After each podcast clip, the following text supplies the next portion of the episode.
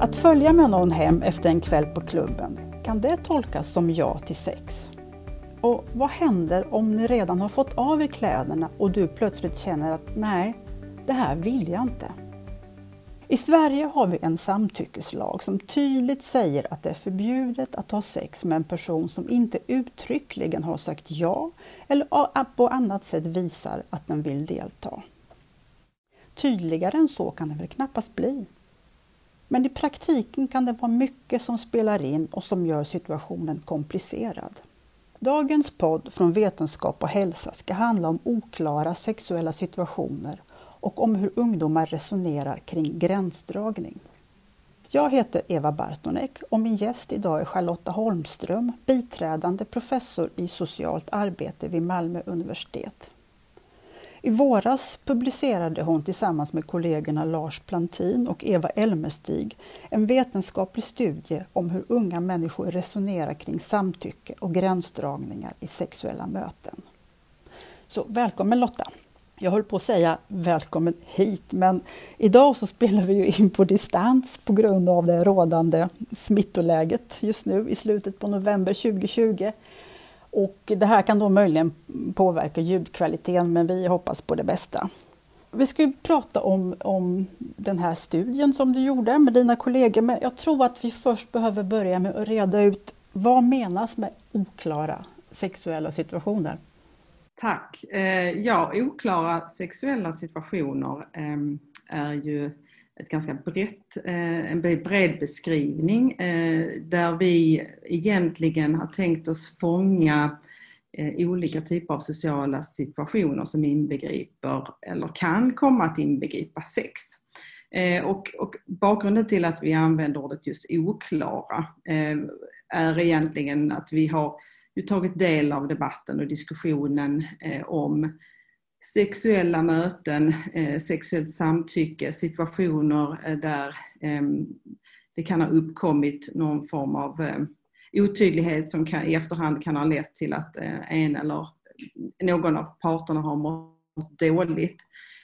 Och då har vi liksom varit intresserade av att försöka utröna vad är det som har hänt i den här typen av situationer och kan det vara så? Kanske skulle man kunna säga egentligen att det har varit någon slags hypotes så, för, utifrån i vårt perspektiv. Att, kan det vara så att det har funnits en oklarhet i hur man har tolkat situationen? Okej, då, så att om vi skulle ta och prata lite om den här studien då som, som, som ni gjorde och publicerade i våras. Så bara väldigt kortfattat, så, så om jag har tolkat det rätt så, så ingick 44 unga personer, eh, lite fler kvinnor än män. Eh, och ni delar in dem i två åldersgrupper. Dels den st största gruppen med 32 stycken där det var 18 och 19-åringar och det var gymnasieelever och det var både från praktiska och teoretiska program och så var det en lite mindre grupp med 20-21-åringar och de var väl i huvudsak universitetsstuderande eller eh, jobbade då. Och jag tänkte bara, den här metoden som ni använder er av, det kallas för intervjua i fokusgrupper och eh, alla kanske inte vet vad det, vad det innebär. Kan du bara väldigt kort berätta hur, hur man gör? En fokusgrupp eh, är egentligen en, en, form av gruppintervju, alltså vi samlar ett antal eh, personer ehm, och så spelar vi in ett samtal. Och då har man en moderator ehm, som håller i, i inleder samtalet men, men tanken är att, att gruppdeltagarna ska diskutera eh, med varandra framför allt. Så det är ju liksom ingen intervju på så vis att eh, den moderatorn intervjuar och ställer, utan det, tanken är att det ska bli ett samtal mellan gruppdeltagarna och sen så spelar man in dem. Och ambitionen med den typen av, och anledningen till att vi valde den metoden är just för att vi var intresserade av resonemang och normer och, och överväganden och eh, komplexitet och dilemman.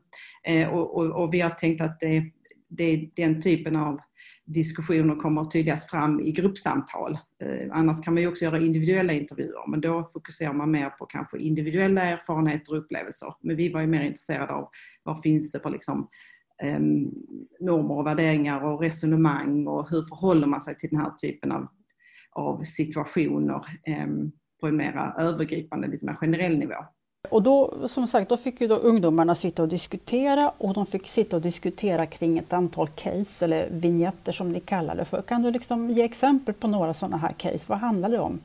Ja, då valde vi att göra just att försöka konkretisera det som vi inledningsvis kallade oklara sexuella situationer. Och då kan man säga att vi, gjorde, vi konstruerade ett antal case som vi kan dela in i två olika grupper. Eh, två eh, case som vi, det var egentligen tre case, men vi använde framförallt två som beskriver festsituationer, två personer möts, möjligtvis att de är bekanta med varandra sedan tidigare eller ingår i samma sociala krets men kanske inte känner varandra så ingående och inte har någon direkt relation eller i alla fall inte någon eh, har haft någon intim relation eh, sedan tidigare. Och då är det fest och det är antingen på klubb eller någon hemmafest.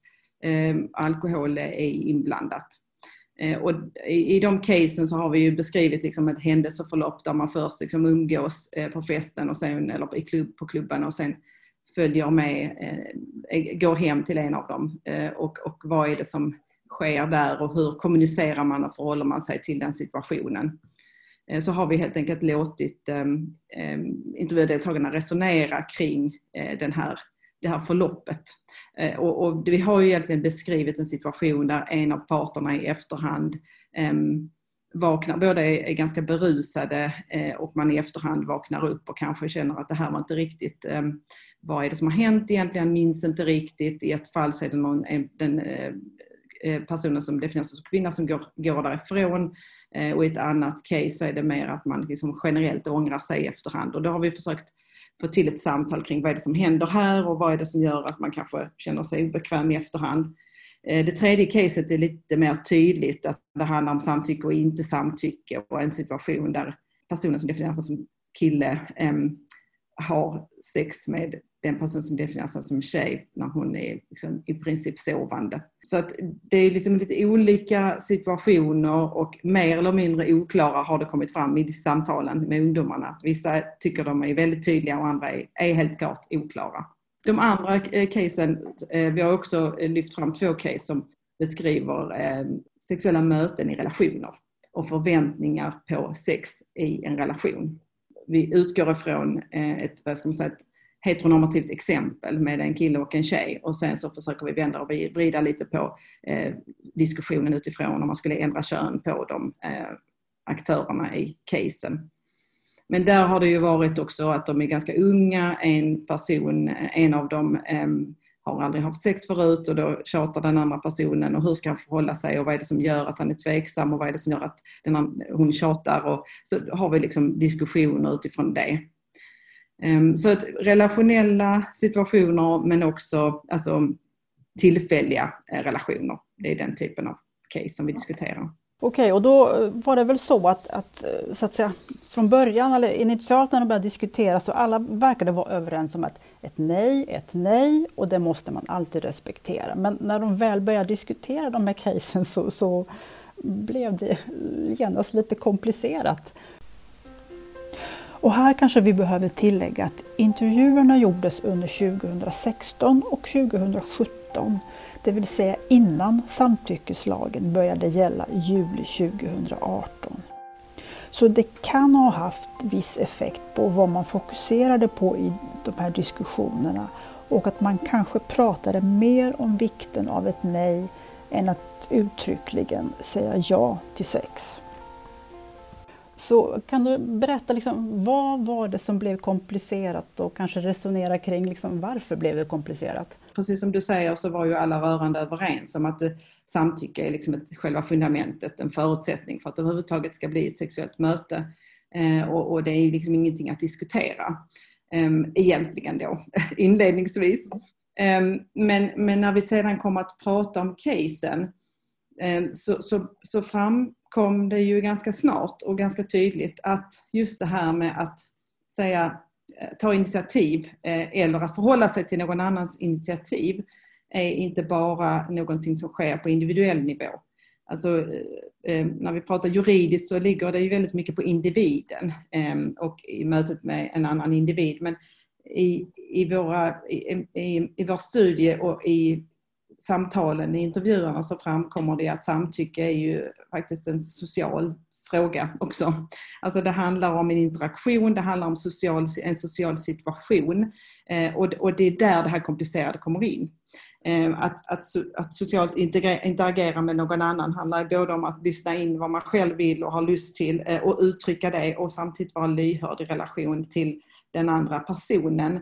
Ehm, och när det kommer till unga Eh, och sexualitet och intimitet och fest och alkohol och kanske inledningsvis när man har startat en relation så, så är det ju väldigt tydligt så att det inte bara är de två personerna som det handlar om utan det handlar också om den sociala kontexten, eh, sociala förväntningar som handlar om, om, om mer vad finns det för normer kring eh, den här typen av situationer, vad förväntas av mig i den här typen av situation. Så det är därav som, som det blir tydligt i vår studie att de här förväntningarna på den specifika situationen gör det mycket mer komplicerat att förhålla sig till. Och, och därför så blir det ju, um, om jag ska bli lite mer konkret, så tydligt att om vi tar de här casen från festsituationerna, att det här, samtyckes, eh, det här samtycket tolkas som, inte som en enskild tillfälle. Alltså ett samtycke är inte, sker inte vid ett tillfälle, ett samtycke är, beskrivs snarare som en process som kanske inleds med att man på eh, stället där man är på fest eller på klubben eh, inleder eh, någon form av intimt möte som, som då, om det leder till att man följer med någon hem, då i ganska stor utsträckning tycker jag mig höra i intervjuerna, om man följer med någon hem, så många säger att det skulle, borde inte vara så. Men alla är ganska överens om att det är nog så att det förväntas sex. Och då blir det allt svårare att förhålla sig till den här situationen om man efterhand känner att ja, jag är nog inte så sugen nu längre. Eh, och då handlar det ju i väldigt stor utsträckning om den sociala situationen. Så att jag vill säga så här att de ungdomarna är väldigt tydliga med att säga att det ska inte förväntas och att man ska naturligtvis eh, ha möjlighet att hela tiden vara tydlig med att vilja uttrycka vad man vill och den andra ska vara lyhörd inför det men att specifika situationer inbegriper förväntningar som gör det svårare att inte följa de förväntningarna. Så så. I vår studie så har vi liksom använt eh, oss av begreppet manus, att det finns liksom ett manus som startar på något sätt som handlar om interaktion och vad som förväntas och som är på ett sätt outtalat men som, där det finns sociala förväntningar på den här specifika situationen. Och då blir det svårt att bryta eller gå emot de förväntningarna. Där. Vad, vad är det som man är orolig för? Kan du ge något exempel? Man är rädd att situationen ska bli obekväm, socialt obekväm, man är rädd att den andra personen ska uppleva sig som avvisad eller, eller eh, ledsen på något sätt eller sur. Eh, och det finns ju också eh, beskrivningar naturligtvis av att det kan finnas situationer där man kan vara rädd att om man bryter eh, det här manuset eller går emot de här förväntningarna att det kan finnas en risk för att det blir oförutsägbart. Händelseförloppet kan leda till att kanske den andra personen blir sur, arg, aggressiv. Det där manuset är väldigt viktigt, tänker jag. Eh, och det handlar om att saker och ting blir förutsägbara. Eh, och går man emot det manuset så finns det en risk att det blir oförutsägbart. Då vet man inte riktigt vad som ska hända. Det finns normer kring hur man förväntas agera och det kan leda till eh, rykten. Eh, det kan leda till att den andra personen kanske inte vill träffa mig längre, fler gånger. Och, ja, sådär. Så det är allt ifrån det där väldigt eh, enkla helt enkelt till det där mera väldigt allvarliga, att man är rädd att det ska ske något väldigt allvarligt och våldsamt. Mm. Du har ju tidigare tillfälle sagt att, att, då, att det här samhället som vi lever i, att det präglas av olika och ibland motstridiga normsystem och det här med att å ena sidan så uppmuntras unga kvinnor liksom till en sexuell handlingsfrihet. Å andra sidan så är man fortfarande rädd för att ja, få dåligt rykte. Helt enkelt. Var det något sånt som framkom också i de här diskussionerna? Ja, alltså nu vill jag återigen säga att, att diskussionerna handlade om de här casen så att eh, eh, de, de, som deltog, intervjudeltagarna, pratade inte om sina egna erfarenheter men resonerade utifrån casen. Eh, ja, vi tycker oss se i studien att det, att det finns en motsättning. Att å ena sidan betona väldigt mycket den rätten och möjligheten och individuella handlingsmöjligheten oberoende kön ehm, att agera eh, som man själv vill. Eh, å andra sidan att, att ehm, både de som definierar sig som kvinnor och män ehm, förhåller sig till genusnormer och, och att de fortsatt är väldigt levande, tycker jag. Alltså, å ena sidan så säger kanske intervjudeltagarna att det är klart att i vår grupp så, så är det ju så att det spelar ingen roll, liksom, men tjejer får ligga runt lika mycket och det, det, har, det har ingen betydelse. Å andra sidan så säger man kanske lite längre in i intervjun att det är klart att det har betydelse det här med till exempel sådana exempel som om man börjar prata om hur många sexuella partners man har, att man kanske inte nödvändigtvis, ehm, om man definierar sig som kvinna, eller känner, känner tveksamhet i att förhålla sig. Alltså, ja, så det finns en dubbelhet i detta. Du lyssnar till en podd från Vetenskap och hälsa som handlar om sexuella situationer och om hur ungdomar resonerar kring gränsdragning.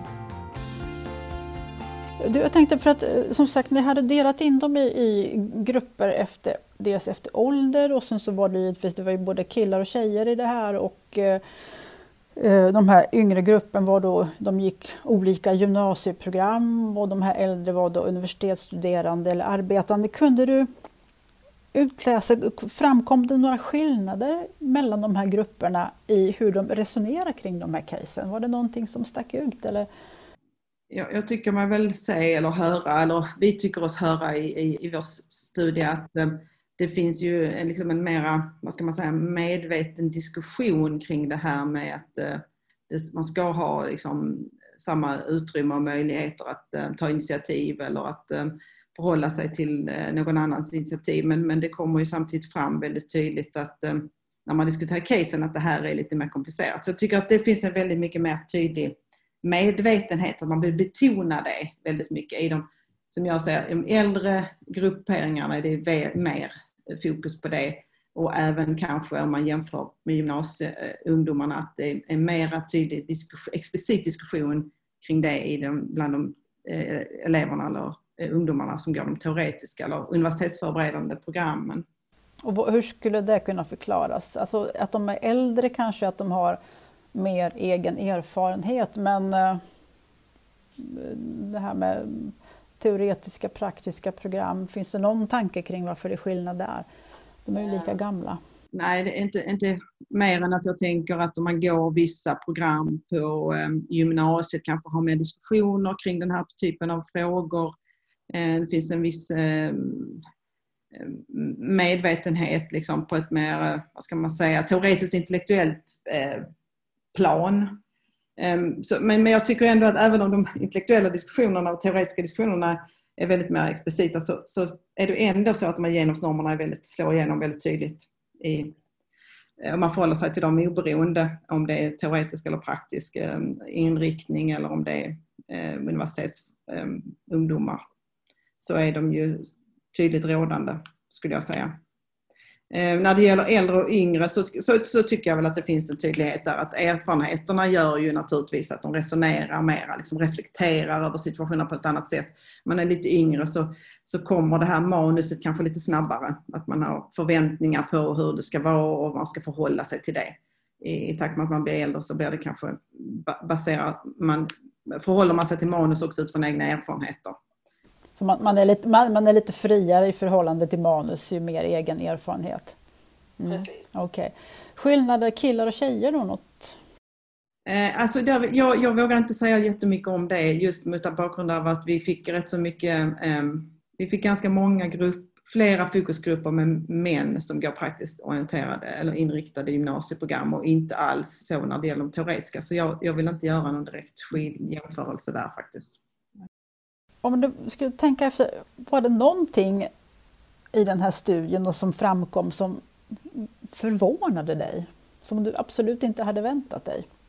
Nej, alltså jag, skulle, jag tror inte säga att, jag skulle, att det, det, det framkom något som jag absolut inte hade förväntat mig men, men däremot så tycker jag nog att det blev ganska tydligt um, hur, hur man försöker navigera i detta och att på ett teoretiskt plan är det kanske, låter det bra och lätt. Ehm, och sen när man pratar om egna erfarenheter, eller inte egna erfarenheter, reflektera kring de här situationerna och kanske också reflektera utifrån erfarenheter som man själv har gjort eller andra har gjort, så blir det mycket mer komplicerat. Och det tänker jag att, att det som slog mig genomgående när vi gjorde vår studie var att det fanns, jag upplevde att det fanns ett stort intresse och, och, och tolkade också som att det finns ett stort behov av att prata om de här frågorna eh, och, och kanske utforska dem betydligt mer än att vi eh, vi lätt hamnar, hamnar i en politisk diskussion där vi diskuterar hur det bör vara eh, och strävar efter hur det bör vara och det är ju bra. Och vi har en lagstiftning där vi har landat i, i eh, som, som är bra där vi vänder på perspektivet. Men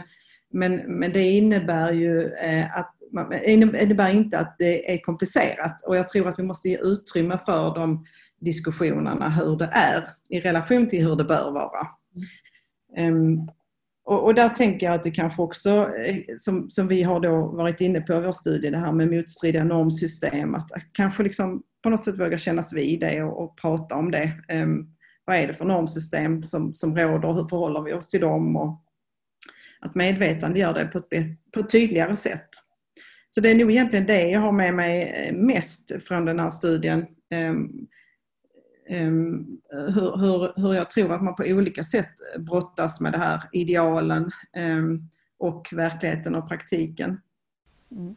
Då har du delvis besvarat nästa fråga också. Jag tänkte att om du skulle på något sätt sammanfatta de viktigaste lärdomarna från den här studien. Någonting du skulle vilja tillägga till det? De viktigaste lärdomarna eh, tror jag, jag tycker att jag, vi också har sett det i, i, under vårt arbete, att, eh, att vi behöver arenor för att prata eh, om de här frågorna, att lagstiftningen är en, en del, men att, att just det här med kommunikation, interaktion, det är nog det som jag tänker är det mest centrala. Och att, att det är slående hur, hur de här genusnormerna fortsatt är väldigt um, aktuella och slår igenom och hur vi, hur vi måste liksom förhålla oss till det.